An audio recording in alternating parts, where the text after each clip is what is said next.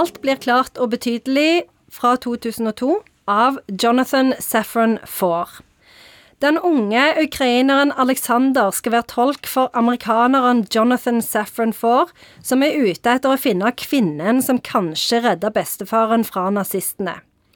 Han hanker inn sin blinde bestefar og førerhunden som sjåfør, men alt går ikke helt som planlagt. Den fikk jeg lyst til å lese. Ja, den er veldig, veldig, veldig fin.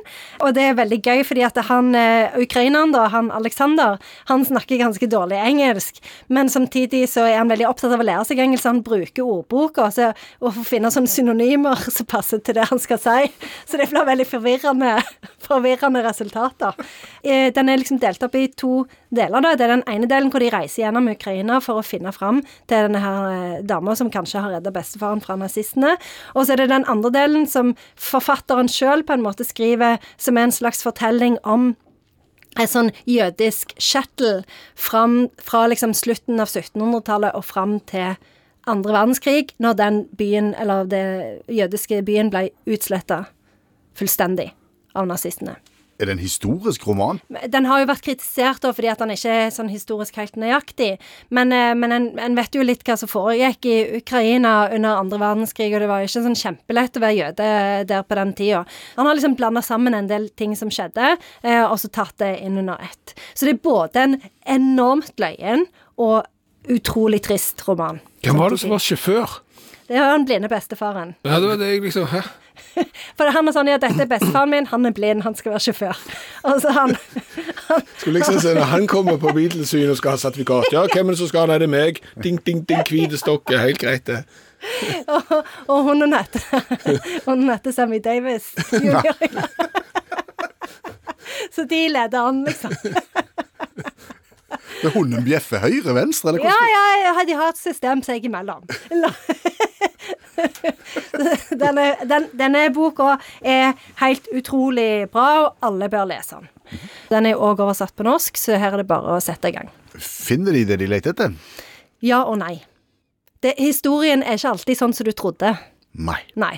Det er ikke alltid de historiene som familien har fortalt deg opp igjennom, som stemmer 100 med faktiske forhold. Far var lenge i USA for å tjene penger til dere som er, hjemme. Det er dere har ingen søsken i USA, det trenger du ikke tenke på. Du var bare vekke i ti år.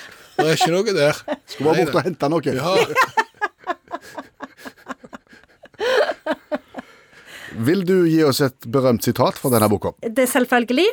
Det er dette. Når du først har hørt noe, kan du ikke gå tilbake til tiden før du hørte det. Nei. bordet fanger, rett og slett. Helt, helt sant. Ja. Mm. Lykke til med å glemme. Ja, Iallfall hvis det er gale nok. Så glemmer du det aldri. Nei, du kan holde deg for ørene, hjelper ingenting. Dette trenger ikke videre. Nei, nei, nei, nei, hjelper ikke. Oppsummer denne boka for oss. Skal du kjøre bil i Ukraina, så går det til med å være blind, bare du har den rette førerhunden. Sammy Davis jr. Ja, det har jeg jo lært. Og så, hvis jeg har forstått deg riktig her, så er det ikke alltid at det du forteller hjemme, faktisk er det som skjedde. Og det tror jeg ingen kjenner seg igjen i. Det har jeg aldri hørt før.